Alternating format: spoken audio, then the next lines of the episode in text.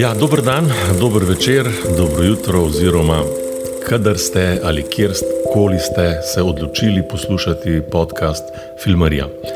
Malo smo moderatorji, še začetniki, malo zeleni. Naš zagonski kapital je želja, da bi čim bolj sproščeno, iskreno spregovorili o filmskih zadevah, ki se nam morda zdijo samoumevne, morda se nam zdijo pa tudi malce zamovčane, skrite nekje za to našo profesionalno zaveso.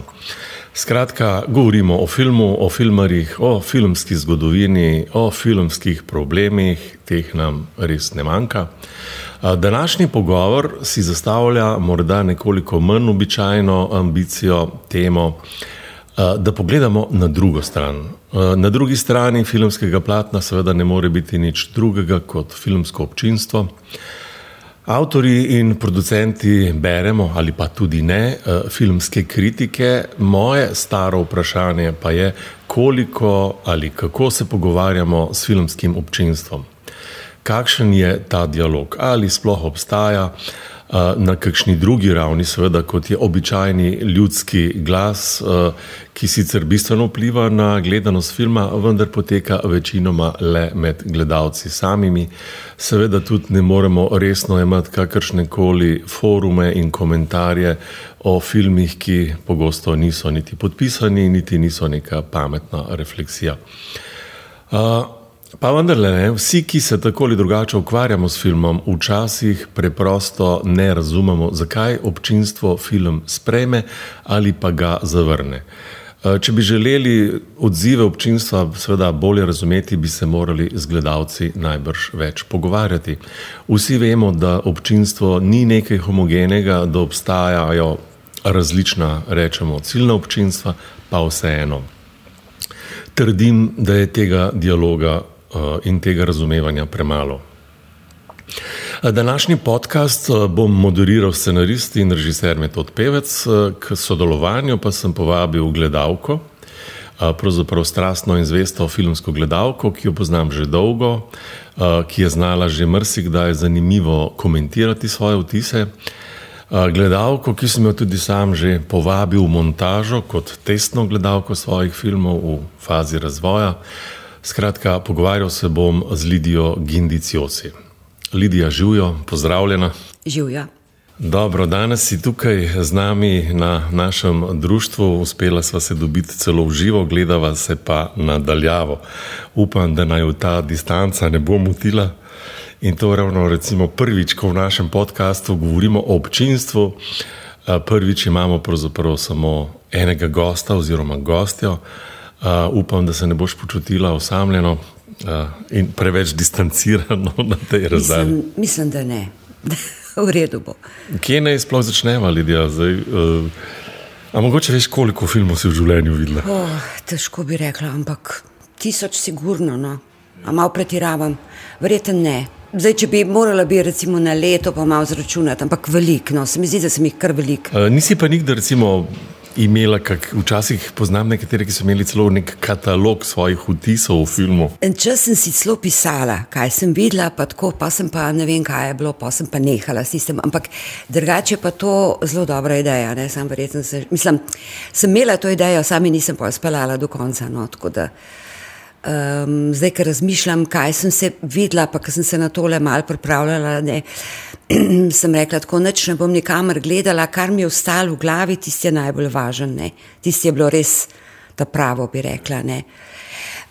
Drugač pa, jaz se spomnim prvih vtisov, no, ko sem bila še osnovno šolka, no, mi smo stanovali v, v, na Kodeljevem, uh, v Malejevi in tam je bil kino Triglav zelo blizu, ne, par minut. In to je bila ena taka krasna postaja. Ne. Tam sem veliko hodila, to je bil še tak star kino, predvajalcev na tiste kolute.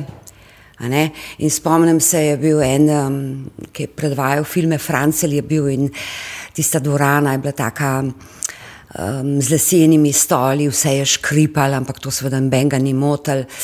In včasih je bilo treba kolut zamenjati, ne, če to ni bilo tako hitro, to se je takoj začelo piti, da imamo Francel gor dol. To je bilo tako eno tako, mm, tisti čas bolj, bolj tako zabava je bila. Ne. Uh, tudi moram reči, da se kaj dosti, kaj sem glih takrat gledala, se ne spomnim prav tako. Ampak vem, da sem neke um, um, ene zgodovinske spektakle so bili takrat, se mi zdi, kar popularno. To je bilo popularno. Ne? Ja, Kuo Vadis, recimo Ben Hur. Vem pa, da je bila takrat, ko sem bila še tako, ker je bila Kleopatra no, in me niso pustili gledati. Tako da, evo, Kleopatra še zdaj nisem videla. tako, vem, gredena. Kaj je bil pa pomislek, da bi ti videla Kleopatro? Da to ni za otroke, no, v tem smislu, da to sem premehna. Ne? Ampak sem bila res uh, um, tam nekje, en šesti, sedmi razred. No? Verjetno. Ampak je zanimivo, jaz imam podoben spomin uh, na kino. To je bila kino dvorana v zadružnem domu v Zalogu, seveda spet leseni stoli, uh, platno, ampak mislim, da sta bila dva projektorja, ker se ne spomnim, uh, da bi klicali, da ne menja rolo. Ampak pustiva to, ampak tako občutek imam, da iz tistega časa se tega spominjam bolj, da sem nekako v, zgodnjem, v zgodnji fazi soočena s filmom nekako bolj temeljito prestopil iz te resničnosti v fikcijo. Spomnim se, da pač, ko sem gledal film, sem bil res v celoti preseljen v ta drugi svet, ker se mi zdi, da je kasneje ta uh, radikalna izkušnja nekako se zmanjšala. Ja, um, meni se pa zdi, da se je to pa pri meni kasneje začelo dogajati, veš. Tam nekje od konca gimnazije naprej se mi zdi, da sem jaz takrat film eh, tako doživljala, veš, to je pa to neki fino, greš pa tam v tistem triglavu, se ena slaščica so prodajali, eni taki mali kučici, veš, take nenavadne. In si šel ti, si si še ti skupaj in pa je bilo luštno tam noč sedeti tudi mi in vmes smo tudi klepetali in se skratka, no. Ampak moram reči, da recimo potem v gimnaziji smo pa imeli, ti se gotovo spomniš, profesor Potokarjevo, ne, No, in jaz saj zase lahko rečem, pa verjetno bi še kdo lahko, da nas je ona se trudila in mislim, da je tudi kar uspevala, da se je vzgajala k temu, da gledamo filme, pa da se jih naučimo gledati. Um, ker vem, da smo razpravljali o filmih, potem je tudi rekla, se spomnim, enkrat je rekla, ja, uh, šele po drugem ogledu filma mi je prišlo na misel to pa to. In si jaz rekel, pa kakšen drugem ogledu filma. Ne?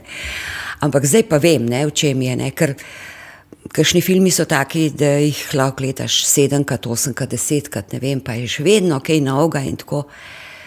Kakšni so pa seveda pa enkrat preveč. Ne?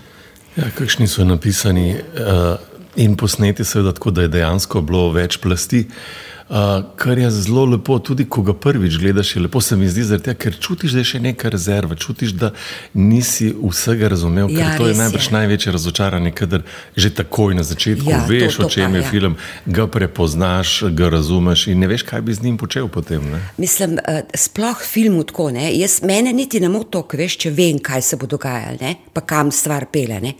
Ampak če zraven pa tega, tega vem še, kako bojo to speljali, ker so prav eni vzorci, veš. To pa, to pa ne prenesem, no, to je pa tisti minimum, ki je pa koncne. No, ampak um, zdaj, ko sem že omenila to gimnazijo, takrat se jaz spomnim, ne, letne Kukovičim gnezdom smo obravnavali in to je bila taka tema, joj. In to je gotovo tudi eden, mislim, če bi hotela kakšno lestvico delati ali pa kaj, eden med tistimi nepozabnimi. Ne. E, to je bil film, kultni film naše kultni generacije, film, ja, ki ja. sem ga tudi jaz večkrat. Mislim, da sem ga siguren desetkrat. No. In pa od slovenskih pa idealist, ampak to čist res. In ti si bilo meni tako lepo, tako lepo in um, dobro narejen, vse tako.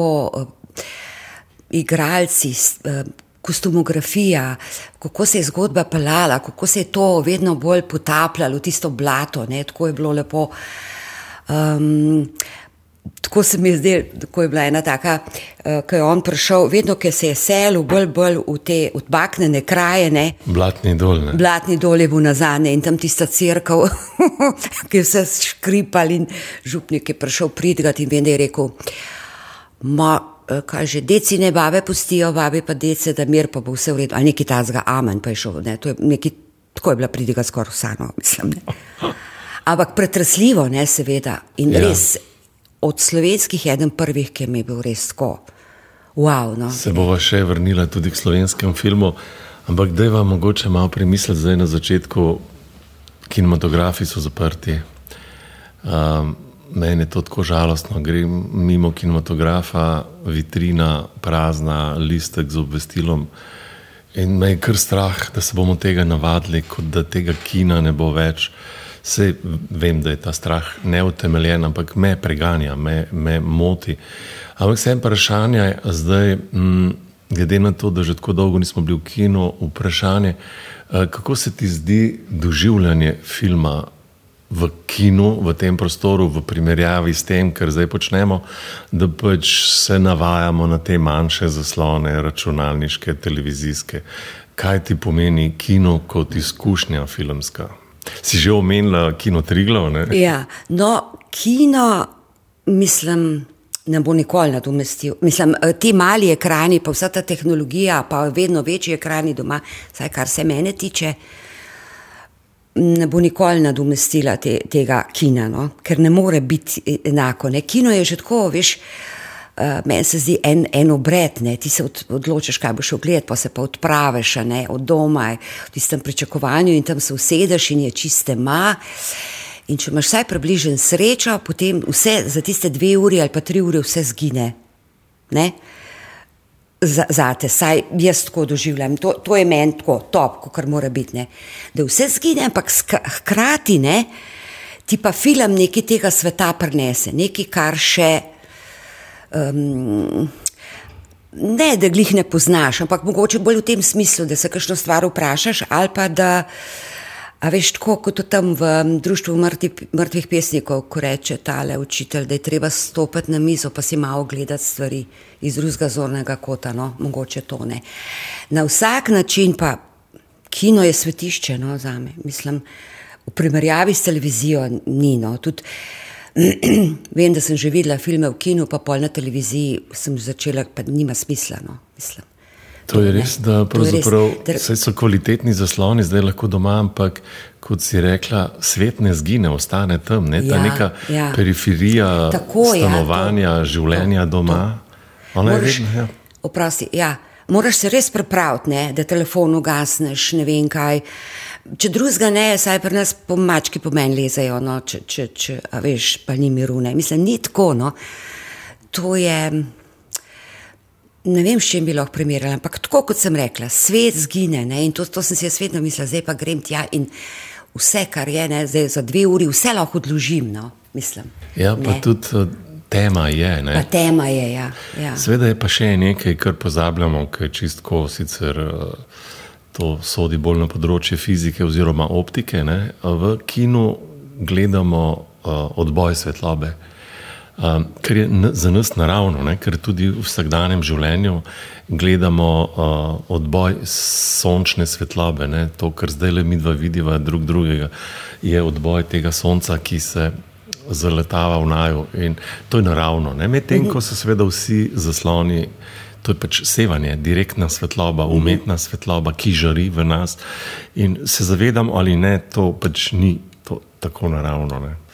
Zdaj se jaz malo umešal. Lidija, še eno vprašanje. K filmu sodi, vsaj včasih, kadar smo še hodili tudi tako mogoče skupinsko v kino, no? pa tudi če ne, se mi zdi, da k doživljanju filma sodi tudi to, da se potem o njem pogovarjamo.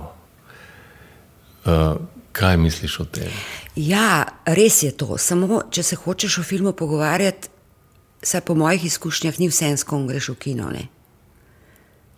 Ja. Tako da, kar se tega tiče. Se pravi, to je nekaj zelo osebnega, zelo intimnega. Ja, ja jaz, jaz, po mojih, se pravi, kar se meni zdi, jaz um, moram reči, da zelo malo ljudi poznam, ali sem pa z leti vedno bolj tečna, no, ali kaj bi rekla. No. Doskrat grem rajš sama, veš, in to ravno zato, da se mi po filmu ni treba pogovarjati. Saj en čas ne, no. rajš potem naslednji dan s kom. Ker se mi je kar nekajkrat zgodilo tako, da, da pač tista oseba, s katero sem bila v kinu, ni, ni bila, je drugače gledala na stvari in drugače doživljala in tisti komentarji potem, eh, da ne govorim o komentarjih celo med filmom, ne, to je meni uh, pokvarilo. No. Tako da drugače pa to super, no, če imaš nekoga, da potem z njim razpravljaš. Ne? Ja, ker prej, ko si omenila uh, temo ne, v Ja. kinodvorani, uh, sem pomislil na to, ker tako mečkaj še, kako jaz doživljam, se mi zdi, da pač mislim, da marsikdo tako doživlja, da ko se ta pojavi ta tema, ko se ugasnejo te luči, se nekako vsaj jaz skalibriram zdaj na to zgodbo, ki bo sledila. In se mi zdi, da, se, da pri filmu postanem v bistvu zelo iskren, oziroma zelo intimno začnem doživljati zdaj to zgodbo, ker ni nobenega umestnika, nikogar tukaj ni vmes. Uh, in zaradi tega se mi zdi, morda tudi ta odnos s filmom tako zahteven po svoje, ker si se res intimno predal zdaj, uh -huh. uro pa pol uh -huh. ali dve. Uh -huh. ja, zdaj bo pa težko o tem razpravljati z nekom, ki ne pozna te tvoje intimnosti, te bližine, s katero si najbrž delila filmsko zgodbo. Mm. Ali kaj? No, tako je, sej, ker se ti, eh, saj jaz se uh, zelo hitro, se mi zdi, um, se uživim v kakšno osebo, ne? ali pa celo več, veš. Najboljši so tisti filmi, ki lahko, lahko saj meni se zdi, ki lahko uh, torej sočutiš z več osebami, ne?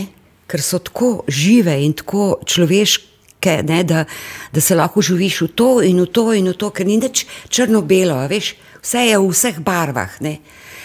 In um, to je super, no, po eni strani je pa tudi malo naporen. Ne? Sam hočem reči, da že to, že, že to, to kar pač ta film daš skozi, jaz sem včasih pol tako utrujena, jaz se ne, ne bi mogla takoj po filmu sploh pogovarjati, veš. Uh -huh. in, in z leti res mi je tako, rajš grem sama, pa potem, ker jaz to malo predelam, čez dan, dva, pa potem ne. Tako. Uh, sej, dobro, filmi so zelo različni, verjetno tudi ti uh, imaš rada različne filme. Tudi Ampak tako eno zelo načelno vprašanje. Uh, so filmi, ki imajo močne zgodbe, zaplete, kakorkoli, in so filmi, ki so v tem smislu bolj minimalistični, imajo pa, kot si prej rekla, zanimive like, imajo dobre karakterizacije teh oseb. Uh, kaj ti je bližje, katera smer? Recimo? Um, bližje mi je ta druga.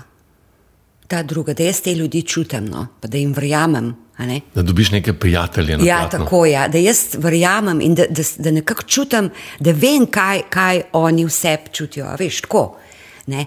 da se mi zdijo blizu. No? Tako da razne te, ne vem, razni spektakli, pa te zgodbe, take, a veš, to, to je, to je skoro gledam pač. Ne vem, kaj naj navedem, zdaj nazadnje je bil ta, no pa ta ni ta prav. 1917 je bil dosti tak, kar, kar intimen, no, ampak ne vem o tistem reševanju uh, vojakov iz Francije. Ne, to so taki, tam gledaš zgodbo, saj jaz. No, a veš. Um, bolj blizu so mi te intimne zgodbe, uh, kjer, je, kjer lahko te ljudi zaznaš, se pravi, da, da niso to neki in po svojih uh, izkušnjah, in ne vem, še po čem tako oddaljeni, da težko jim zraven prideš. Ne, A veš. Ne Ja. vem, če sem se dobro izrazila. No? Ampak bliže so mi te zgodbe, no? na vsak način. Ja, t- tudi meni. Ja. Ja. Ne bom filmu zameril, če ni zgodbe izpeljal dovolj dobro, če je imel res like. ne. Če, če sem jaz v tem filmu imel ene prijatelje, s katerimi sem si delil zdaj to uro in pol, uh, prej tako. Ampak deva še ostati nekaj časa, samo še v dvorani, kino dvorani, preden greva naprej. Um, v kinu je seveda tudi ta razlika, da uh, gledamo film v družbi, da nas je več skupaj. Zdaj, to po eni strani seveda je to omejitev tvojega intimnega prostora, uh, po drugi strani pa, če tudi malo kot filmski avtor pogledam, je pa tudi tako, da uh, en tak. Uh, kolektiv, ne, ena skupina gledalcev, če jih je več, se nekako nalezajo drug od drugega in je potem neka reakcija na film, ki je drugačna, kot če bi vsak posameznik gledal film. Kako pa ti doživljaš, se pravi, to, bi rekel, uh, gledalsko skupnost, soseščino med gledanjem? Ja, veš kaj, uh, na vsak način hočem imeti tišino, no, mislim. Ne. In tudi ne prenesem kokic in takih stvari. Ne. Tako da meni je bilo grozen žal, ker so se vse te dvorane po Ljubljani zaprle, veš, pa kaj se je odprl okoli vse in tako. Uh, tisti je kot ena, pa zdaj vedno hujš, vedno hujš, že dolgo nisem bila tam, ampak tisti je kot ena avtobusna postaja in tudi tako. No. Drugač pa, skratka, um, na vsak način je um, fajn, če čutiš, da. Um, Da, tako, da je tako, kot ti praviš, da je skupina, ki gleda in vleče enega za drugega, en drugega za sabo. Veš, uh, najbolj je, mislim, v vseh vrstah filmov, ampak meni se zdi najbolj to pri teh kakšnih komičnih filmih. Ne? Tam, uh, jaz ne vem, ampak tam je dosti bolj zabavno gledati v kinu kot pa doma. No? A veš, ker se ravno to, to se, kot ti praviš, se nalezeš. Ne? In jaz sem že doživela, da sem še en slovenski film gledala. No? In, ja, jaz nisem nič slišala, ker so se to kražali. Ampak je bilo fino, veš, vsi smo se tako fajn, dobro počutili. Smeh je res ja. nalezljiv, se lahko včasih poznamo to, ne? je lahko neki absurden. Uh, ja. Razlog, pa se en začne smejati, drugi pa vsi, ne, potem ja. se nam pa zdi smešno, to, ja. že to, da se ja. smejimo. Ja, točno to. Ja. Je se pravi, odvisno, kakšen je film. Ne? Tako je, ja, ja, jaz mislim, no, res. Da. Pa, saj jaz imam raje te male eh, dvorane. Včasih eh, sem rada šla v kompas, ja, veš, kaj bo tam. Ja. To je bila taka super za meno. Je pa spet odvisno, kakšen film, to je res ne. Kakšni so taki, ki so narejeni, da mora biti veliko platno, se mi zdi, da mora biti tako mal uh, mogočno vse skupaj. Ja, veš, mislim, veliko platno, ne vem, v kinu Šiško se spomnim, včasih smo ki šli gledati kakšno stvar. Ne. Spektakel. Spek ja, no. Pa tudi, prosim, Levjega kralja, no sem jaz otroke palala in vem, da smo vsi ukalni nazaj, grede, cel avto, štir sem imela v avtu in vsi so tulili. mislim. Tako, no, ker sej filmi so res narejeni za nek, uh, se mi zdi, za, nek, uh, za točno neko platno in tako in ni vse en, ki jih gledaš. Veš, jaz sem že doživela, da sem gledala film, pa ne enkrat na. Zraven zato sem to nehala, v kinu ne in je bilo, joj, wow, pa sem ga gledala po televiziji, je bilo pa ja, brezvezeno, čist brezvezene. Že, že Um, no, se lahko povem, tak je bil vsaj meni uh, Gora Brokback. No. Tisti mi je bil v kinu res tako. Na televiziji je pa se mi je zdel, da je kar neki medu je bil ne? in tiste, tiste posnetki niso bili tako. In, in obratno tudi, veš, tudi obratno sem že videla. Ne? Ravno pri enem slovenskem filmu sem ga videla na festivalu v Protorožu, pa se je bilo fajn, mislim, neč ne reče, fajn film, ampak tako nekje je bilo, tako mal prazen, ne vem, kako bi ti rekla. Pa sem pa ta isti film videla na televiziji. Vse pa, kako je to, to, prav tako sem si mislila, kako je to dobro, kaj sem pa jaz zanč mislila. Ne? A veš, sam pa so me podočili, da je bil v bistvu bolj za tele, da, da ta film ni bil za kino dvorano sploh. Narejen. Ne? Narejen, ja. Ja, je pa včasih seveda tudi to, ne, da česar se mogoče kdaj tudi ne zavedamo, da pravzaprav gremo v kino na nek način predisponirani, bodi si zaradi nekega dnevnega razpoloženja, bodi si prihajamo z nekimi pričakovanji, ne, ki, te, ki nas lahko potem med gledanjem tudi uvirajo. Ne. Pričakovanja so zavezana tudi včasih na to, kaj nam je kdo rekel, kaj smo prebrali. To je zelo nevaren, veš, ta pričakovanja, mislim, no, nevaren. Najboljši je čim manj, no, veš, ker. Um, Pričakovanja grejo doskrat pre, preveč visoki in potem uh, potem je, mislim, da je kar neizogibno, da si malo razočaran. Ne? Ker si v glavi ustvariš nekaj, kaj to bo, kako bo. In, in ni treba, da je slabo ali pa kakorkoli. Ampak odstopa v tiste tvoje predstave in ni tako, ne? saj tisti, ki ga gledaš. Poleg tega, ne, um, če smem povedati, no, mislim, Jaz, kar se tiče kritike, ne, pa, jaz sem čista baterski ljubitelj filma. No, veš, nočem reči, zdaj, da sem nek poznavalec ali karkoli. No, ampak vedno manj se zanesem na kritike. No. Pa ne vem, se mi zdi, da to, to, to sem ugotovila enkrat, ko sem gledala en film, ki je bil zelo opevan in nagrajen in ne vem, kaj še vse. In potem sem ga šla izgledati, spet so tukaj pričakovanja. Ne. In ko sem šla iz kina, sem rekla, kako je to mogoče? A bi jaz to prepoznala, da je to res tako dobro, če mi ne bi povedali? Že prej. A veš, kaj mislim? Ja, ja ne bi, no. mislim. In tudi nasprotno. In ja. tudi nasprotno, ja. Ja, ja tle imam tudi jasno, če smem in tak pomislek, da se mi zdi, da je slovenska kritika nekako specifična tudi, ne? da v svetu je dosti več eh, te filmske publicistike ali pa sploh, da se o filmu piše. Uh, Da ni kritika, ampak se tudi pogosto uporablja angliško besedo review, ne? se pravi, vendarle ja. en pregled, eno poročilo o filmu, ki ima manj uh, izrazito vrednostno sodbo. Ne? Za mhm, naše mhm. kritike je značilno, da so zelo vrednostno opredeljeni, da so v tem smislu celo zelo radikalni, ker mene moti ne samo kot avtor, ampak me moti tudi zaradi tega, ker uh, seveda se kritik postavlja na pozicijo, da uveljavlja tudi nek svoj osebni filmski okus. Zdaj pa odvisno za kakšno občinstvo piše tudi on, ampak vendarle ne vem, če ima to pravico, tega, ker ne, film bi šli lahko gledati zelo različni ljudje, ki imamo zelo različne okuse, ampak ja, tako da to je lahko precejšna ovira. Ampak vse, nekaj si hotel reči. Uh, to, kar si rekel, različne izkušnje gledalci, pa različno ozadje, veš, ti ne moreš filma drugače gledati kot, kot subjektivno, jaz mislim. No? Ne moreš.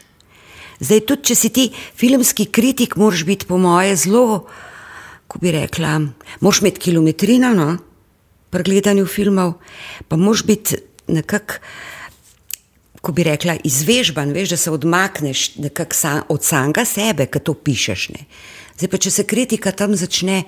V drugem stavku, da piše, to je pa najslabši film, kar sem jih videl, ne, mislim, to, to je milo rečeno. Vem, to pomeni, da je videl malo filmov. Prosim, to je točno to. Ja. Točno to. In ne dvakrat se mi je zgodilo, ki je bilo nekaj tazga, kot je prav zelo radikalnega. Sem šla preveriti starost tega no, uh, avtorja no, in sem si točno to mislila, prav da si jih pa res nisi videl, najbrž ne. Ja, uh, seveda. Mladi ljudje so pač. Uh, Kaj bi rekel, z leti smo postanemo tudi malo bolj tolerantni, Tako, ali pa nas ja. tudi zanimajo neke vsebine, ki so uh, zahtevnejše, pa filmi, ki imajo drugačen tempo in ritem. Recimo, pustiva zdaj to, da se ne bova v tej smeri zaplezala, ampak če smo že govorili o tem paradoksu, ne, da je najbolj iti v kino kot tabula raza, da imaš potem najbolj čisto doživljanje filma zagotovljeno, je pa vendarle. Uh, to praktično nemogoče. Ko so festivali, ko je ne vem, vedno potrebuješ en razlog, da pač izbereš film. Zdaj pač ti se moraš odločiti za ogled nekega filma in na to vedno nekaj vpliva. In zdaj je dobro, rekla sem za kritiko, ampak vseeno me zanima, kaj je tisto, kar recimo na te najbolj vpliva, da se odločiš iti pogledati nek film. A je to avtor, a je to naslov, a je to tam neka evidenca filmskih nagrad, ali je to nek prijateljski nasvet? Kaj je tisto, kar te najprej uh, ali spremljaš neke avtorje in hočeš videti naslednji film? Kaj je tisto, kar te spravi v kino? Uh, torej, tako avtor, definitivno. No. Tako nekaj imam takih, ki jih spremljam, ne. čeprav se to z leti tudi menja. No. Um, sem že tudi na Lifu, veš. Um, ker tam načeloma se jaz izogibam pred premjer, ker vem, da se jih bo dal potem videti. No, ampak, če je bil, je bil moj avtor, sem ga šla tudi v predpremiere gledati, ker nisem mogla počakati, da bo to v rednem programu. Ne. Drugač pa, kaj me potegne, recimo, torej avtor, prijateljski nasvet, tudi, absolutno, pa tema, veš, ne, o čem bo ti s filmom govoril, ne, tako. Uh, tako da s tem, da je zdaj mogoče sem vse čas govorila, da ne bo pomotet, imam rada tudi kakšne take, kako bi rekla, take filme, ki te malo potolažijo, ki ni, ni tako. A veš, ki se. Blagodejne. Blagodejne, no tako, ja, ja da, ima, da, ima, da imajo eno tako, da, tako, da si v zadovoljen, ko prideš ven. Um, pa brez kakšnih sladkornih oblivov, to pa absolutno ne. Mislim, to ne sme biti, ni govora. Jasno, ampak tako, uh, takih ne. Drugač pa se pravi, avtor bi rekla, prijateljski nasvet, tema. Kaj pa recimo to? Um, v zadnjem času, pa no, mogoče ne samo v zadnjem času, imamo tudi recimo prepoznavne nacionalne kinematografije. Ali te to prepriča, recimo turški film, romunski film ali pa recimo iranski, iranski film? Ja, ja. Ti to kaj pomeni, ko Mi se odločaš? pomeni, ja, ja. To, to imam v zadnjih letih nekaj takih lepih izkušenj z romunskimi, bolgarskimi in turškimi, pa iranskimi tudi, ravno te, ki si ti naštevne. Pa tudi, um, če zdaj pa ne vem, armenski, mogoče Paradžanov, kjer avtor, a veš, dva njegova krasna filma sem videla, je bila ena retrospektiva in to je kar nekaj let nazaj, ampak je tam, veš, v tistem predalu, ki ne pozabiš. Ne. Um, ja, te kinematografije so zelo, pa kaj s vem, danski tudi recimo, ne, sploh uh, imam rada evropske filme, ne veš, veliko bolj kot uh, se mi zdi, da veliko več ti dajo. No? Tako, vse včasih tudi na sankaš lahko, no? ampak veš, jaz, jaz sem tako z leti, se mi zdi, da sem se en mal, vedno bolj prizanesljiva do ene mere. Ne? Mogoče tudi zato, ker sem imela mal. Mečken, mečken, mečken vem, kaj vse je treba, da film nastane, ne, veš, in koliko je to enega dela in, in, in kaj vse je potrebno, da potem ti tam sediš, pa tisto uro pa pol nekaj gledaš. Seveda, avtor, zdaj, evropski film je pogosteje avtorski kot ameriški ali pa morda še kak drug iz večjih uh, držav. Uh, In če je avtorski, je mogoče do neke mere bolj uh, izviren, bolj eksperimentalen, pravzaprav bolj tvegan, ker definitivno ne streže nekemu receptu, ki je skovan uh, glede na neka komercialna pričakovanja. Ne? In seveda tle tveganje večje in mogoče kdaj tudi seveda kak spodrsljaj, po drugi strani pa seveda se srečujemo z zahtevnejšimi temami v evropski kinematografiji kot v ameriški. Ne. Bolj tehtimi tudi, ne, recimo. Ker, ne vem, če greš. Bolj odgovoren kino, odnos najbolj. Ja, tako. Ja, ja. No, pa ruski, recimo, ne, ruski filmi, to so. Ja. To, um, veš, uh, to sem hotela še reči pred leti, že kdaj se je ta liv že začel. Ne. Jaz sem pred časom, uh, vem, da sem v času lifa dopust vzela en teden, da sem lahko v kino hodila, veš. Res, sicer to je bilo tako. Ne? Prvo leto sem pol tudi po dva na dan, ne? Um, pol že ne več, ne? zaradi tega, ker um, ne morem toliko predelati, veš, in se mi potem prekrivajo en čez drugega se mi zgublja. Ne? Tako da zadnje čase, verjetno to tudi z leti pride, rajš pogledam malo manj. Tle seveda obstaja seveda možnost, kaj boš zamudil, ne? ampak vseeno. Ampak ruski filmi, če sem si kaj zapomnila iz vseh teh filmov, sem tiste ruske filme, ki sem jih videla. No. Res. To je pa, ne vem, če se spomniš, zadnji vlak. Mislim, da je ta dobil še eno nagrado. Misliš, Lidija, da gre pri tem tudi za, ker to sem se tudi jaz spraševal, zakaj se včasih eh, tako zgodi. Um, tam misliš, da gre tukaj mogoče za neko tudi slovansko bližino. To se včasih sprašujem, ker na nek način pa tudi ta naša, naša bližja soseščina, Hrvaška, Srbija, Bosna, mm, ja, Makedonija sveda, in tako naprej. Um, ali čutiš mogoče, da gre tukaj tudi za, ta, za to neko slavjansko uh, empatijo, dušo, neko čutenje, ki je podobno? Lahko da je, no? čeprav nisem nikoli prav tako razmišljala o tem. Ne? moram reči. No. Čeprav je pa res, no, so te filmi, uh, sploh te, uh, mislim, srpski, hrvaški, pa že prej jugoslovanski, no, se mi zdi, so mi na ta način blizu, ne, a veš, da jaz veliko prej. Uh, Ugotovim, kaj je tisto, ne, veš, kar je hotel kot nekdo, ki bi prišel recimo iz ne vem kot, no, Anglež ali kaj vem kaj. No. Je, lažje razumeš to lažje razumeš, ja. mentaliteto. Ja. Tako, tako, ja. filma, ja. Pa ta način življenja poznaš, pa bolj ne. Recimo, jaz tako imam tako izkušnje, ki imam sorodstvo tako, po celi bivši jugi skoraj. No. In uh, lahko da je tudi to. Ja. Ja. Čeprav v teh slovanskih meni je najbolj ruski, veš, moram reči, še vse en, polski, no ne vem.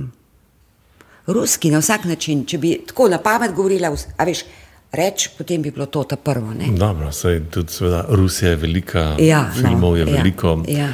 avtorjev je močnih, veliko imajo bogato filmsko zgodovino. Mm, Ja. Številne svetovno uveljavljene avtorje, da ne naštevava to. Ampak Kdo se je vse od njih učil, recimo? Ja. Mislim. bi rad videl, če se v nadaljevanju malo pogovoriva tudi o tem, kako se filmi starajo ali ne starajo. Ampak preden bi o tem, uh, mogoče, kak tvoj otroški spomin na film, ki se ni postaral. Ali se je to, pr- pravzaprav, čeprav si že rekla, da si kasneje v gimnaziji začela bolj doživljati film? Ne? Uh, filmski spomin, ki se ni postaral. Veš kaj, uh, mi smo zelo malo televizijo dobili, no? še ko sem bila tako, da nismo hodili v kino. Ne? In uh, smo tako družinsko gledali filme po televiziji, če, so, če to zdaj šteje. Ne? Šteje, veš, šteje. šteje. ne. In to je, to je bilo tako lep spomin, ker vem, da v nedeljo popovdne smo uh, tam vsi ždeli na kavču, oziroma, a veš, tako en čez drugega, skol bi rekla. Ne? Oč, predvsem uh, oče pa mi dva z bratom. No? Mama je bila tam na enem drugem kavču, tako da je imela mir in to, joj, in se spomnim, to je bilo, veš kaj, ples v dežju, ne, ne ples v dežju, joj. Ples na vodi. Ple, tudi ne, Jane Kelly, no, um, si, Singing in the Rain, no. Aha. Pojmo v dežju, no, veš, Pojmo to so bili ja. taki, pa bonanca, pa tiste stare, ve- ne, vesterni, boh pomagi, kaj smo ti zgledali, pa stani nolijo, a veš. Uh, pa take stvari. To se jaz spomnim, da smo tako takrat. Ne? Od slovenskih, veš, imam pa jaz, pa ne vem zakaj, ampak najbolj imam v spomin na ta film o tisti psici Kali. Veš, Ja, to mi je žival to- vedno prepriča, Ja, ne. joj, mislim, tako mi je to, ne kekac, veš, ne kekac, jaz ne vem, pa kala in to mi je bilo tako, pa se ne spomnim več več čist sebine, ampak tiska občutka, ki sem ga imela, ko sem gledala film, ne. To je pa neprecenljivo, no? mislim, kako je bilo tisto meni fino. No? Ja, mene je kekec očaral takrat, sem, to, ker sem bil pač prvič v kinu.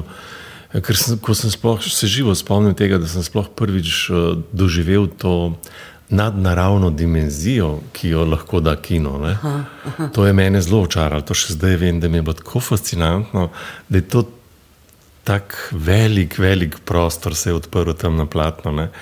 In me se, se spomnim živo zelo fasciniralo to, da zdaj en deček moje starosti prešerno hodi, poje in se vede, kot da je v svet njegov. Ne? Ta, ta suverenost uh, nekega otroka tam gor. Je bilo v čistem nasprotju s tem, kar sem seveda jaz kot otrok živel. Ne? Predvsej bi rekel, kako bi rekel, v eni taki tipični družini, kjer je imel otrok odmerjen kot, če ne rečem celo malček represivno odmerjen. Uh -huh. In je bilo to za me res uh, fascinantno. In Tako sem pol tudi začel doživljati kino in film uh, kot eno priložnost. Uh, se zateči v ta večji svet, drznejši svet, pogumnejši, lepši in tako dalje. Ne? Tako da uh, mi je to pa res tako zelo, seveda, močna izkušnja. Ne? Ampak je zanimivo, ne, kako so se nekateri filmi, ki sem jih kot otrok videl, grdo postarali in so postali, ali pa ne samo kot otrok, tudi kot mladenič ali karkoli. So se tako grdo postarali, da sem potem se samo čudil temu, ne, kako Navdušenju. sem, ja, temu navdušenju, kaj je to sploh bilo. Ne. Uh -huh. uh, in uh, vse nekaj podobnega velja tudi za kakšne knjige, ki sem jih bral v otroštvu, ampak nekateri filmi pa to preživijo. Ne? Ja, In ja. zdaj me zanima, kako so se pa mogoče v tvoji izkušnji, kakšni filmi ohranili in ohranili, da dajmo reči, nek eh, status klasike. Ja, veš, um, tako kot pri knjigah si rekel, ne. Kakšna knjiga ali pa kakšen film si vas navdušen, ampak je tako, no, če ga, potem, če ga drugič gledaš in je še vedno tako fajn, potem tisti ponovadi ostane. No. A veš, prenese tisto po, po, eh, ponovljeno gled. No. Še nekaj dobiš, ne? tudi potem, ga drugič ali pa tretjič gledaš. Ne? Če pa potem pri tistem drugem, ne, isto velja za knjigo, tisti pa potem zgine, no, mislim, nekam. In zdaj od. Um, No, prej si govorila, Eni so, ja. so res za večno, no, mislim. Deva ugibati malo, mal, mogoče, zakaj se nama obema, recimo, let nad Kukovičem gnezdom ni postaral. Kaj je pravzaprav to, ali je, ali je to tema, ki je tako večna, ali je to Jack Nicholson, ki je bil tako veličasten, ali je to ta svet tega filma, ki, je, ki, ki ga razumemo in ki se ne spreminja. Ja, jaz sem dojela ta film nekako kot, kot eno preslikavo, ne? a veš, drugega sveta in ta se pa res ne spreminja. Oziroma, problemi se stalno obnavljajo, ne? že malo mi smo, da smo zlezli, kam pa se spet vse na novo pokvarja, se ti ne zdi. Jack Nicholson je bil pa veličasten, ja, seveda. Ja, seveda, tam ja. je bil svet postavljen kot neka inštitucija, polna tako, ja. oblastništva, Ja. predsotkov, Tako je. nesvobode. Ampak to, iz tega še nismo zlezli, ne? pa sploh vprašanje, če kdaj bomo, se ti ne zdi. Mislim, mislim um, Včasih se še malo poglobimo. Ja, tako je. Ja. Mislim, da je to, ne? ker je res taka večna, večna. No? Mislim, pa zmer je bilo tako, veš. Uh, jaz sem zdaj na tretji univerzi na predavanje iz zgodovine. No? Jah, Marička, no? pred, pred tisoč let pred našim štetjem, pa, pa tam uh, poslušam to zgodovino vsakdanjega življenja. to, pa Isto je bilo, no, ti povem, tehnologija se je spremenila, veš, ampak te, te, te težave ali pa, kako bi rekla, te problemi, pa ta uveljavljanje moči, pa nadzor, pa oblast, pa lastnina, pa to, to, to je pa isto je ostalo. No? A veš, se mi zdi. No? Sam sredstva so se spremenila no? na en način, s čim se to, čim se to uveljavlja. No? Tako. Ja, tle smo zdaj na pragu, Čisto š- na pragu nevarnosti, da spregovoriva o O, o. stvarih, ki nas težijo. Težijo, ja. Pa bi zato Res pot je, ja. potrebovala več časa, ki ga nimava, bo ostala pri pogovoru o filmu. Uh, nekako smo do zdaj govorili samo o, seveda, igranem filmu, ne, ki zdaj pa me zanima, sploh v zadnjem času se zelo krepi uh, dokumentarni film. Ne navzočje po številnih festivalih, uh, snemajo se bogatejše dokumentarne produkcije. Uh, dokumentarni film zna zelo na novo in drugače nagovarjati občinstvo, je navzoč v kinu, uh, post, nastajajo neke hibridne dokumentarne igrane dokumentarne, forme. ja. Skratka, očitno imamo opravka z enim uh, usponom dokumentarnega filma. Uh, kje si pa zdaj ti tukaj kot gledalka, kako, to, kako doživljaš takšne filme? Ja, um, super, no, zelo imam rada dokumentarne filme. No. Veš, tudi tako na TV-ju, ko dobim program, najprej pregledam eh, za naslednji teden, kaj, kaj bo ne, od dokumentarnih. Ne. In tudi po tej, ki je bilo konc te spomladanske, ki smo zmagali ne, v tej korona krizi spomlad, prvi film, ki sem ga šla gledati, je bil dokumentarni film, ker je bil zamik pri. Um, ta festival dokumentarnega filma je bil zamikom v Cankarjevem domu in sem šla gledati dokumentarni film. Ne, spomnim se naslova, žal, ampak posnel uh, o Tarkovskem, posnel ga je pa njegov sin. In to je bilo tako nekaj lepega, za zjokat lepega, no? mislim. Uh, že ta izkušnja, no, in film tudi tako je bil narejen, mislim, res. Tako da dokumentarni filmi so, mislim, tako. Ne? Zdaj, če, če tam samo neko naštevanje dejstev, ne, tisti meni ni glih tako najbolj blizu. Pa. Sploh pa veliko je takih filmov, veš, ki so tako mal, mal, mal um, spektakelsko narejeni, no, se mi zdi. A veš, ali so posnetki preveč lepi, ali so to neki potopisi, pa ti pravijo, ja, zdaj boš pa videl, kje je vse to. Pa je tisto tako zrežirano vse, da ne veš pa sploh na koncu, kaj Ja. si gledal. Ne. Da ne govorim o tem, veš, da so tako. Na začetku ti govorijo, o čem bo film pripovedoval, ta dokumentarni pol, čez en čas je en premor, pa ti za nazaj povejo, kaj je bilo, pa, pa za na drugo tretjino, kaj bo. No. Eni taki.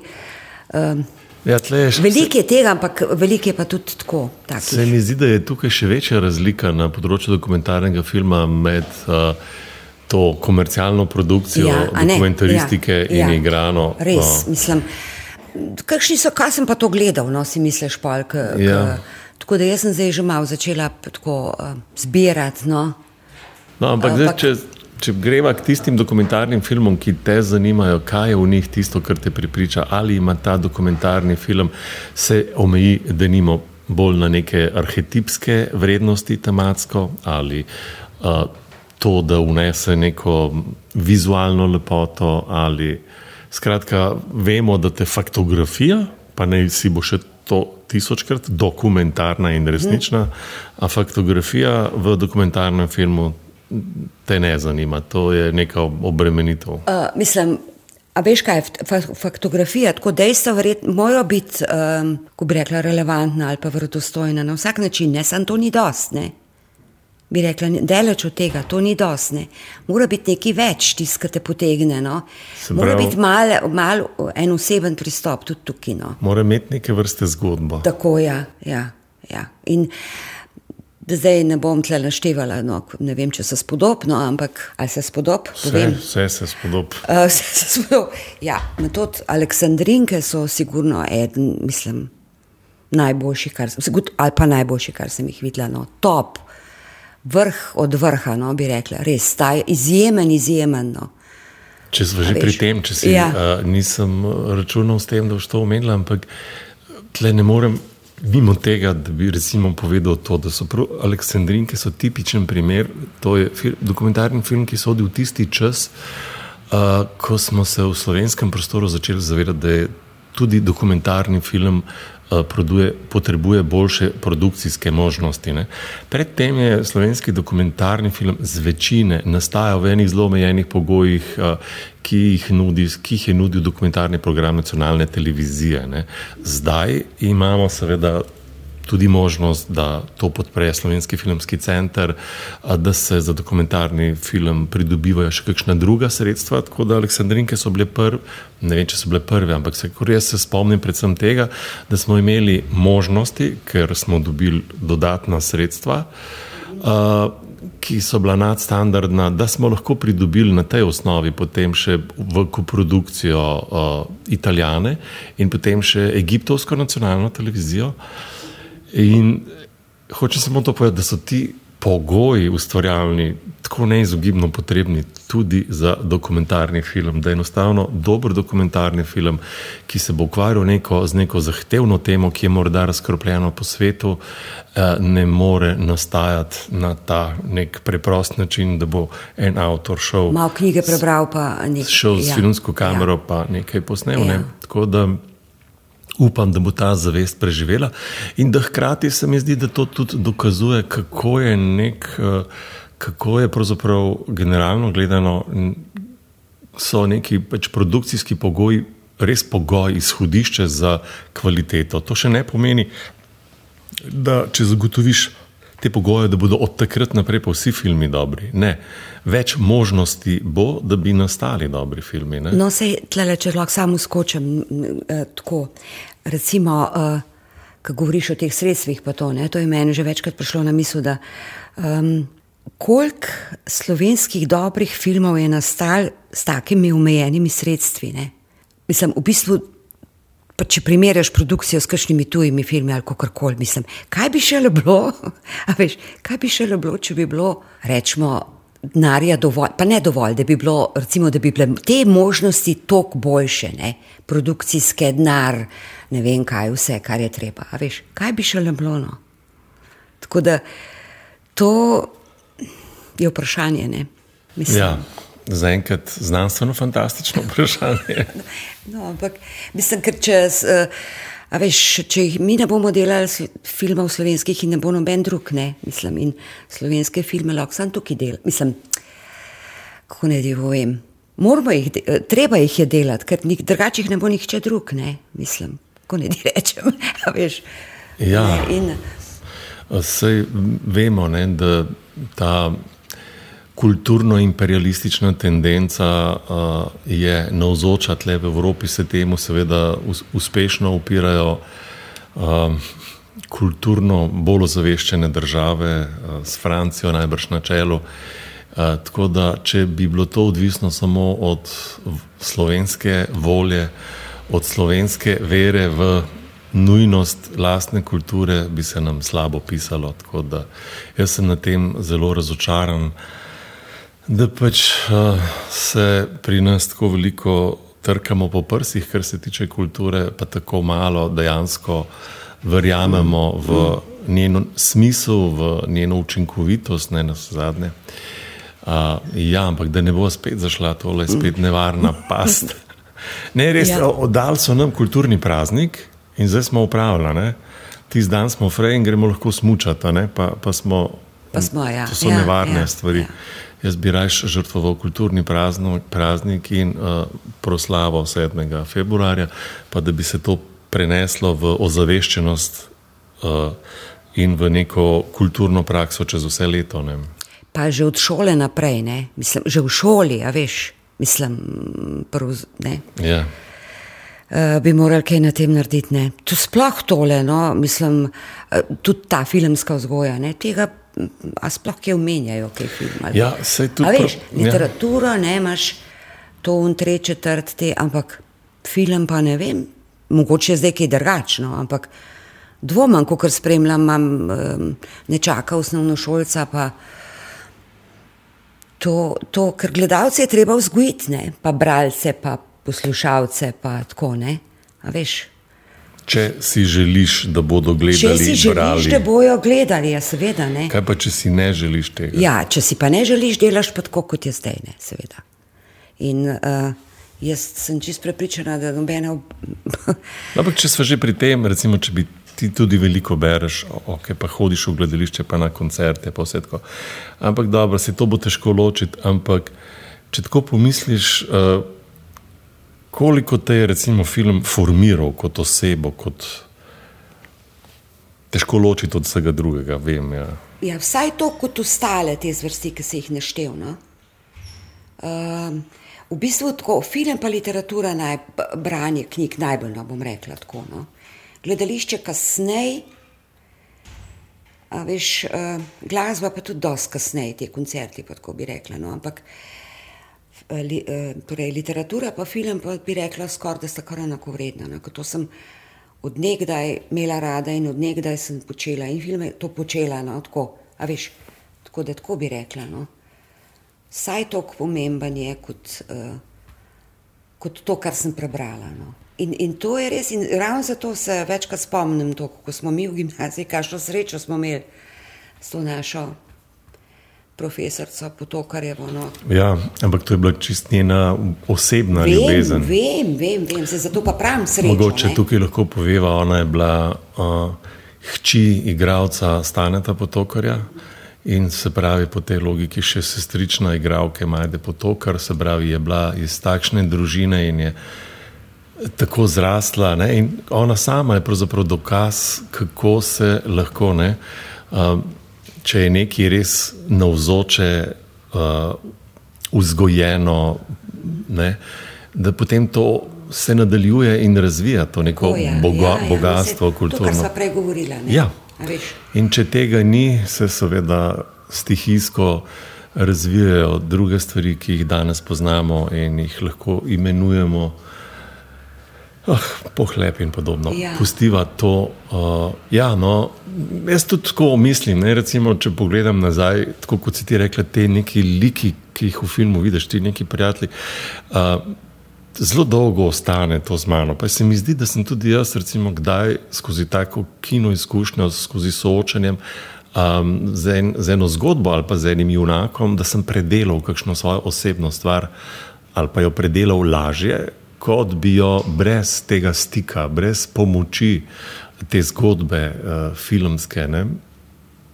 To, to pač se jaz štejem v, rekel, bi rekel, v eno. Um, To štejem kot eno veliko prednost kulture, pač filma, v mojem primeru še no, posebej. sej, sej, a veš, to, to kakšni liki, jaz se, mislim, se, se spomniš še zdaj, ne, verjeten, kaj je nekdo v neki situaciji naredil, ne.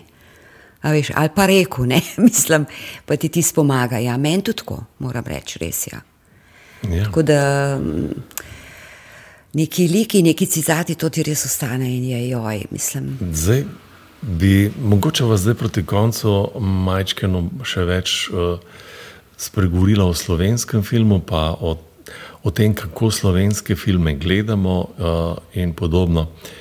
Zdaj, glede na to, da že dolgo gledava slovenske filme, tudi se spomniva, kako se je spremenil slovenski film v celoti, kako se je pa predvsem, bom zdaj upozoril na to, kako se je spremenil govor v slovenskem filmu od prvih začetkov uh, do danes. Um, In uh, vsi vemo, da pač igravci so prihajali iz gledališča in so s seboj prinesli tudi nek govor, ki je bil precej gledališki. In ker so se filmari tega zavedali, so zelo zgodaj že posegli po rabi narečja. Vse vemo, tistega lepega dne, pa Kekac in še številni drugi filmi, ki so ta problem reševali uh, na tak način. Kasneje smo dobili filme ki so bili poceni in so bili posneti v kakšni ljubljanščini in tako naprej. Uh, zdaj, da ne bom jaz govoril preveč, kaj, kako si ti doživljala ta govor v slovenskem filmu, um, ta nek pogovorni jezik in kje smo zdaj v tem. Razvoju tega jezika, ker se bojim, da imamo še vedno probleme. Ja, to, kar si rekel, gledališko, ne, gled, večina je bilo gledaliških igralcev in so tako v filmu preveč igrali. Mislim, A veš, kaj hočem reči? Ja. Pre, preveč je bilo tako uh, očitno, prenapeto, no, mislim, preveč. Ampak jaz mislim, da kar se tega tiče, da se zelo izboljšuje. No. A veš, dosti časa je bilo tako, uh, ravno ta govor je tako, malo umetno je deloval. Mislim, ti si imel občutek, da bi ta človek to tako povedal. No. Se nis, ne, in je bilo zelo tako, meni se je zdelo prisiljeno, umetno. No. In tako kot ti praviš, ta, ta narečja so mogoče res rešvala. Ne? Čeprav ravno to, veš, včasih so pa. Je pa tudi ta pogovorni, pogovorni uh, jezik, ne je tako mal um, pretiran. No? Se mi zdi, da je zelo težko zadeti, veš, tis, da imaš lahko občutek, postane vulgaren. Ne, ja. Tako, da, da zadaneš, da zadaneš um, pač, uh, točno tako, da verjameš tistemu človeku, da bi on pa to tako povedal, kot kar je, ne? mislim, kot ti slišiš. Ne? Je pa neki, ne. Um, to sem se sicer, si me ti nekako spomnil na to, ampak jaz vem, kako so se je meni, recimo, dokler še nisem znala, dokler smo brali podnapise pri tujih filmih, sam, ne, pa nismo znali jezika, pa to, kako se je meni ti se fajn zdel, veš kako dobro igrajo, kako to je bilo vse tako fajne. Uh, zdaj pa, ko razumem, se mi pa ne zdi več, veš. Mislim, tako da je to mm. ena razlika velika, če ti jezika ne razumeš, pa bereš pod napise, ali pa če, če je to jezik pa še tvoj, ne, pa razumeš, kaj govorijo. No. Se mi zdi, da si pol bolj kritičen. No. Ja. Prej opaziš tudi, če kaj gre na robe, no, ali kako bi rekla, veš. Drži, je tudi eno vprašanje, recimo, zdaj, če tako pogledamo. Uh, seveda, ko gledaš slovenski film, uh, slovenski govor, slovenske igralce, gre seveda gre za jezik, na katerega si zelo senzibiliziran, zelo si občutljiv. No, tako, ja, Pri jeziku, ja. ko govorijo turško, najbrž tega ni. Ne, ko govorijo o, Sloven o slovenskem filmu, ne govorijo o, tudi, tudi po mojem o tem, pa o slovenskem govoru, govorijo tudi o tem, najbrž, da smo zelo senzibilizirani za ta jezik. Da, da hitreje začutimo tudi, ali je to dobro odigrano, ali je ta igralec točen, ali je iskren, ali je ali mal blefira, ne? ali je ta zloglasni šmir, kar se najbrž ne zgodi, kadar poslušamo, gledamo film v nekem tujem jeziku. Ali ga pa ne zaznamo, veš? Sej. Ja, tako je. Ja, to, ravno to, to sem tudi jaz mislila. Najbrž je ta, to, da imaš film v svojem jeziku prednost, hkrati pa tudi malček handicap. Tako je, ja, ker, ker to je jezik, od katerega govoriš, od, vse veš, od skosne in ga imaš tako, v vseh celicah ga imaš. No? Mislim, in veliko prej začutiš vse te stvari. Se to sem ti hotela reči tudi ne, s tem. Uh, da sem bila presenečena, mislim, presenečena na način, ki sem ugotovila, da tiskajo v tujih jezikih, pa to, veš, da tudi slučajno ni vse tako dobro, pa neč zašmiren, kot praviš. Ne? Ampak, če pa ne razumeš jezika, potem je veliko manj možnosti, no, da boš to ugotovil. No. Sploh pri teh jezikih, ki so nam še toliko bolj tuji, veš. Ja. mogo, mislim, tuji, ki jih ne poznamo. Ne? Veš, kot si rekel, prej turški, pa ne vem kaj. Ne? Pa se mi zdi, da tudi ko angliščino, recimo, vse razumeš, ne? jezik ja. sam po sebi. Ja. Ampak nisi tako senzibiliziran, da bi čutil nianse, tako, um, tako, ja. Ja. ki so zadaj v ja. interpretaciji. Ja. Jaz včasih kar uh, čistko za. Z heca, ne, za preverjanje, ugasnem zvok in gledam, če imam to možnost, nemo sliko. In se izkaže potem, ko gledam nemo sliko igralca, bolj vidim, da je to zdaj dobra igra ali ja, ni dobra ja. igra. Celo tako. Um, dobro, mislim, je pa seveda tukaj pri tem govoru še en tak res neumen slovenski problem v tem, da pač. Uh, ni, nimamo nekega res zrelega pogovornega jezika, ki bi bil sprejemljiv za celo Slovenijo, ne, tako kot seveda Francija ali pa Amerika. Vse imajo tudi tam narečja, ampak v manjšem obsegu, predvsem pa imajo nek pogovorni jezik, ki je za vse američane, francoze sprejemljiv. Ne. Pri nas je pa ta pogovorni jezik nekako šibak in ga opažam to, da ga določeni. Um, zelo, bi rekel, določeni predeli Slovenije, ki imajo močno lokalno identiteto, ta jezik dojemajo kot nek centralno slovenski oziroma kar ljubljanski jezik, ki pripada samo nam. In je tle neka zelo neprijetna situacija, da potem teže sprejmejo tudi te naše zgodbe, tega, ker jim je ta jezik tuj. Uh -huh. In me seveda posledično malček moti to um, idealiziranje nareči pa lokalnega govora, ker se mi zdi, da pa po drugi strani ogroža ravno razvoj za vse spremljivega pogovornega jezika. Ne? Ja, bo, to, to je res skoraj en, eno rivalstvo med temi narečji. Se mi zdi, no, včasih, veš, kad drug drugega. Uh, tisk, nekdo govori, recimo štajerski govorec, on misli, da je to njihovo, to je glavno, to je to, kar je. Veš, in vsi drugi tudi ne primorščina, pa ne vem kaj, pa ljubljanščina. Pa in se mi zdi, da so kar v enem, da so tako med sabo v enem, kot si ti rekel, lokal, patriotizem, pa to ne, ne kar v enem konfliktu, no, tako da je res težko. Sveda je težko. Pos, A, pač potem, posledica najbrž tega, da smo mlada država, da smo bili predtem v drugih državah bolj, smo se lažje identificirali s svojimi regijami in da zdaj se še vedno težko identificiramo s to državo, imamo še vedno težave. Ja, s tem, da, da pa neč ne kaže v to smer, ne, da bi nekako. Da bi se to, kaj, eh, tako kot ti praviš, da bi prišli do enega tazga jezika, no, vsaj zaenkrat se mi ne zdi. No. Najbrž je počasen razvoj, ampak zadnjič smo se pogovarjali, sem se pogovarjal uh, z uh, Alenko Krajger, ki je zdaj pač v New Yorku, živi sicer režiserka po izobrazbi, ampak tam je igralka in je rekla, da je to mogoče pa posledica tega, da imamo premalo audiovizualnih sebin, ki bi uveljavljale ta pogovorni jezik. Ne? Ker drugo je seveda ta špikarski jezik, uradni jezik, uh, ki sodi v ta uh, pač medijski in politični prostor, eh, medtem ko seveda audiovizualne vsebine s svojimi zgodbami pa bi lahko uveljavljale, če bi tega bilo več. Dobro. Tega ne bo rešila, pa bo preskočila uh, ta problem. Mm, recimo, zdaj, vemo tudi, ne, da je pri slovenskem filmu zelo omejen nabor igralcev, pač manjši prostor smo, ni, ni, nimamo te možnosti kot angliži, ki delajo za sedbo, pa je seveda ogromno dobrih igralcev. Ja. Uh, a te je to kdaj motilo, da se pojavljajo, kot rečemo, vedno te iste face? Ne, ne bi rekla. Če je dober igralec. Če je te... dober igralec, me neč ne moti. No. Me pa to moti, ker včasih mi zdi, da bi, bi, ni najbolj posrečen izbran, no? saj po mojem mnenju. Ne? Ampak veš, pa kaj začnem premišljati, kdo drug bi pa bil, se pa kar namatram. No? Mislim, kar dolgo premišljujem, preden prijem do, do um, ene ugotovitve, take, kdo, bi, kdo na mestu njega bi pa lahko bil boljši. Ne? To si zdaj ti tako fiktivno, virtualno delila naš problem, uh, kadar delamo zasedbo.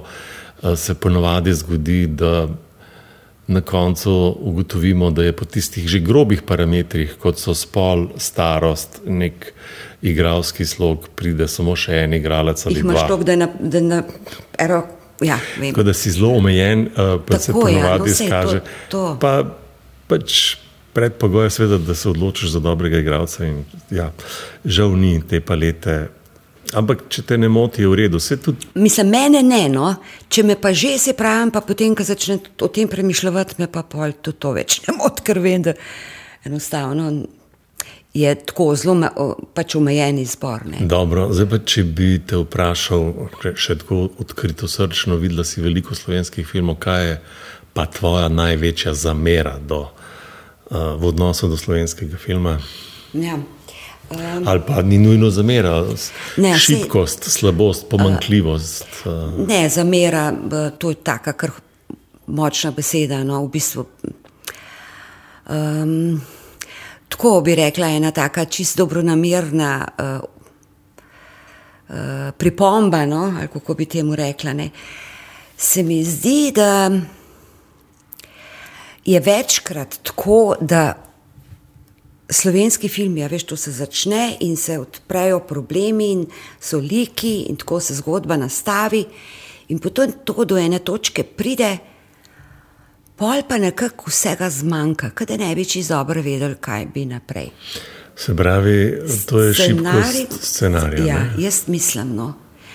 To ali pa veš, kaj me tudi včasih zmoti. Čeprav zdaj se mi zdi, da zdaj ne že ne več to kamenč, ampak če se je bilo prav izrazito, imam enih pet takih filmov v glavi, ki hočejo preveč stvari obdelati, veš. In imaš ti v enem filmu potem. Ne vem, uh, ravno enega tazga imam, mislim, v prvi polovici se vse zgodi incest, posilstvo, umor, um, ne vem, izdajstvo, kaj vem kaj, no in, in si- in te čist podreto in kaj bo zdaj, potem pa to nekako kar zvodeni, zbledi, zbledi in odplava vse stran in na konci, saj jaz kot gledalec sem imela občutek, da sem praznih rok, no. ja, se pravi, fokus. Fokus, ja, preveč fokus stvari naenkrat, teme, veš. Ja. Mogoče je to tudi posledica tega, da pač uh, režiser, avtor čaka na film sedem let, da se mu v tem času nabere. Se glih to se hotla reči, veš, če Ja. ne bi zre- ravno to, to sem premišljala tudi jaz res. Da mogoče to, ker, ve, da, uh, ker veš, da boš zdaj to film lahko naredil, potem pa ne vem, koliko časa neče sploh, ne, potem hočeš čim več povedati od tistega, kar imaš za povedati. Ne, mislim. A Zadnje, veš, zadnje je preširoka, premočna ambicija, želja. Ne? No, tako je, ja, to verjetno res ne. Se pravi, to, to je pripomba, prosim, ne to vzeti zdaj kot neko tako hudo kritiko, ampak siguren je tukaj eno, mislim, vsak hoče dobro narediti, pa se trudi pa to ne, ampak potem ravno ta prevelika želja, kot ti praviš, mogoče pripelje do tega. Ne. Sej to ni, zdaj nisi povedala nekaj popolnoma novega. Tega, Aha, no, no. tega smo, no, tako, se zavedamo tudi sami, ne, zaradi tega je prav to društvo, kjer zdaj sediva, ne, uh, organizira zdaj že ne vem katero leto zapored, uh, tako imenovano scenarnico. Torej, delavnica, uh, na kateri pač uh, včasih tam od 6 do 8 a ne, kandidatov piše in razvija scenarije ob seveda močni mednarodni podpori scenarističnih uh -huh. uh, svetovalcev, strokovnjakov z tega področja. Tako da v bistvu uh, tudi na akademiji seveda je scenaristika predmet in se ta, to znanje eh, se je začelo sistematično razvijati, uh, poglabljati, tako da je ta zavest o delu na scenariju, o razvoju scenarija je seveda zdaj neprimerno večja, kot je bila, seveda pa bo ravno tako potreben čas, da se to no, udejanje. Sej uh, sem rekla, da se mi zdi, da, da, da se izboljšuje tako malo mm. tole. Ne. Um, Ko sem te vprašal o zameri, sem malo pomislil, da boš uh, pogosta, da boš rekla zvok. To, Ja, zvok, zvok. Psih, mislim, t- t- nisem tako razumela tega vprašanja, ampak zvok je res doskrat zelo motečne in to zato, ker ne razumeš, kaj govorijo. No. Zdaj je vprašanje, ali je to v kinu ali je to na televiziji. Ne? Meni se to pri obeh dogaja. No. Oziroma, na zadnje se mi je to pri eni televizijski seriji zgodilo in sem bila. mislim. Um, Res je seveda zdaj v zagovor, ne, da ko težko gledamo rečem, no, slovenski ampak film. se mi zdi, da kar v- na obeh koncih. No. Ko, ko gledamo slovenski film, uh, seveda smo odvisni samo od tega, kar slišimo, ni podnapisov. Ne? Uh -huh, ja, Se ja. ne moramo zateči k tej pomoči, in potem je seveda, če ničesar nismo razumeli, nas to zelo jezine. Veš pa ne vem, ali je zdaj to, mislim, enostavno ne, ne, ne, raz, ne razumem, no pa ne vem, ali je to. Verjetno tehnika ni, ker to zdaj verjetno že imamo vse to, kar je. Ne? Ja, ni tehnika, mogoče pa je včasih tudi, tudi to, da se preveč zanašamo na uh, tehniko. Namreč, um, kar se tiče televizije, bi rekel, da kar je mal problem tudi v tem, uh -huh. da se potem finalna verzija zvoka dela v studiu, ki ima odlične zvočnike, uh -huh. ki ima od, se pravi odlično, odličen ta monitoring. Potem pa mi to doma gledamo na nekih televizorjih, ki sploh zdaj, ko so ti flat screeni, ne, tenki televizori, ki imajo noter nekje stisnjene neke male zvočničke. Aha, ja, ja, ja. In ta, ta reprodukcija ni več uh, nujno tako dobra. Da ne govorimo o tem, da signal uh, do tvojega televizorja potuje po nekih številnih kanalih, prenosih, kompresijah, skratka, tehnik, se vmes zgubljam. Tehnika ga vmes bi rekel, kar precej okrni. Tako da je zanimivo, da tak tehnološki napredek, je, po drugi strani je pa vseeno vmes ena taka nepotrebna izguba in uh, mogoče tudi malo, pa po drugi strani to, kar smo omenjali na začetku, ne, da doma. Uh, filma ne gledamo v taki osami, ne, da se mimo grede pridružijo še neki drugi zvoki, ki potem so konkurenčni in malo. Ja, ja, tudi to je res. Ja. Pozornost manjša. Čeprav veš, včasih sem že to počela, da doskrat gledam sploh televizijo za mikom. Ja. Skoraj vseeno. Uh, pa si urolog zberem, potem, da ne govorim, da reklame preskočiš, ne? čeprav je to malo moteče, ampak še v eni boš, da jih preskočiš, kot pa da moraš čakati. Ne? In zdaj, ko sem gledala za miko, sem tudi dala nazaj, veš, mislim, prevrtela nazaj, pa še vse nisem razumela. No. Mislim, sploh če je lik tako, eh, če je oseba taka, ki ne bi bolj. Um, Že imela tak način govora, da bolj mu mlase, a ima sebo brado. Mm -hmm. Mislim, tisti zna biti res naporen, no, tako malne. Pa pa še vse te faktori, ki se jih ti naštevne. Ja. Zraven. Da vas zelo na kratko res... še mogoče kakšno reči od Jaz sem te večkrat vabil tudi kot, kot testno gledalko. Uh, uh, kakšna je ta izkušnja tvoja, oziroma je razlika med tem, ko gledaš nek nekončan projekt uh, v nekem fazi razvoja in potem v kinu? Ja, je razlika, seveda. Saj to, kar sem, si me ti uh, povabil, doskrat so bile tako še bolj surove verzije. Ja pa ni bilo, do, mislim, ne vem, zvoka še ni bilo, pa teh atmosferskih zvokov, kaj so. Um, ali pa tudi zmontirani je bilo še do konca, ne? in je bilo to malo tako, bolj okorno, ne? pa grobo, a veš, te prehodi, ne vem kaj. Ne? Ali pa ne, je, se je ritem podaril, ki je v mestu, mislim, um, ali se je upočasnil, ali kako koli.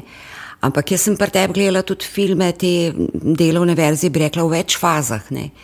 In to je pa meni, to je pa meni super, fas, tako fascinantno, kako, to, kako se spremeni, pa kako napreduje. Ne.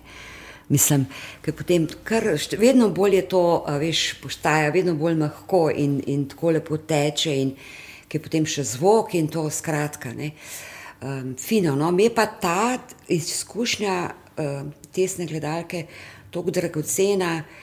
Ravno zato, ker um, tudi malo več poznam tega ozadja in se mi zdi, da potem kakšne stvari bolj razumem, pa tudi bolj cenim no, pri filmu. Tako v tem smislu. Ja, misliš, da bi morali slovenski filmski avtori bolj svoje bodoče občinstvo vključiti v to fazo uh, testnega gledanja? Ja, mislim, da bi bilo dobro. Ja. Če, če sebe pogledam, ne? meni je to zelo tako uh, dobro naredilno ravno v tem smislu, ne, ravno zato, ne, ker sem zvedla nekaj teh uh, obrobnih uh, stvari iz ozadja in tako. Um, pa potem, ko sem bila večkrat, je pa tako, sem že kaj sestavila skupaj tudi, ne, veš. In potem drugače razumeš in drugače gledaš in tako kot sem ti že rekla, bolj ceniš. No. In tudi si bolj tako, bom rekla, prizanesljivno. Mislim, um, ali pa bolj objektiven, mogoče na en način, no, kot si lahko. No. Najbrž to. A veš, da ne nasedeš tistemu svojemu. Um, Pa kar začneš streljati vse povprek, ne? ampak da se malo ustaviš, pa rečeš, da je pa zato, pa zato, pa tako, pa vse to je, ho, mislim, je bilo mišljeno tako. Pa, veš, tako da, ja. to, je, to je bilo meni zelo dragoceno. No? Čeprav um, sem imela pa zmeri tremo, malo veš, moram reči. Ravno zato, ker. Uh, recimo, tako, če že greš kot tesni gledalec, potem moraš povedati, ne, tudi tisto, kar te motne in to moraš nekako tako povedati z občutkom, ne, se mi zdi vseeno. Tako da, ampak rada to počnem. No. Mislim, tako da sem bila vedno, kadar sem bila povabljena, sem bila zelo počaščena. No. Tako bom rekla. Ja. Ja, noč, Lidija, lahko bi se še pogovarjala, vprašanje, če bi naj jo poslušali. ja, tako, da, tako je, da ja. bo zaključila. Jaz se ti zelo lepo zahvaljujem. Um, gledalcem še enkrat povem, pogovarjala sva se Metod Pevec in Lidija Giniciosi, se pravi Lidija, gledalka in zdaj tudi študentka spet. Hvala za povabilo. No. Pa bo še neformalno, ne? Srečno. Ja, srečno. Poslušali ste podcast Filmarija, ki ga izdaja Društvo slovenskih režiserjev s podporo Slovenskega filmskega centra Javne agencije Republike Slovenije. Producentka Zala Opara, tehnična izvedba Luka Marčelič. Hvala za posluh, slišimo se spet čez en teden.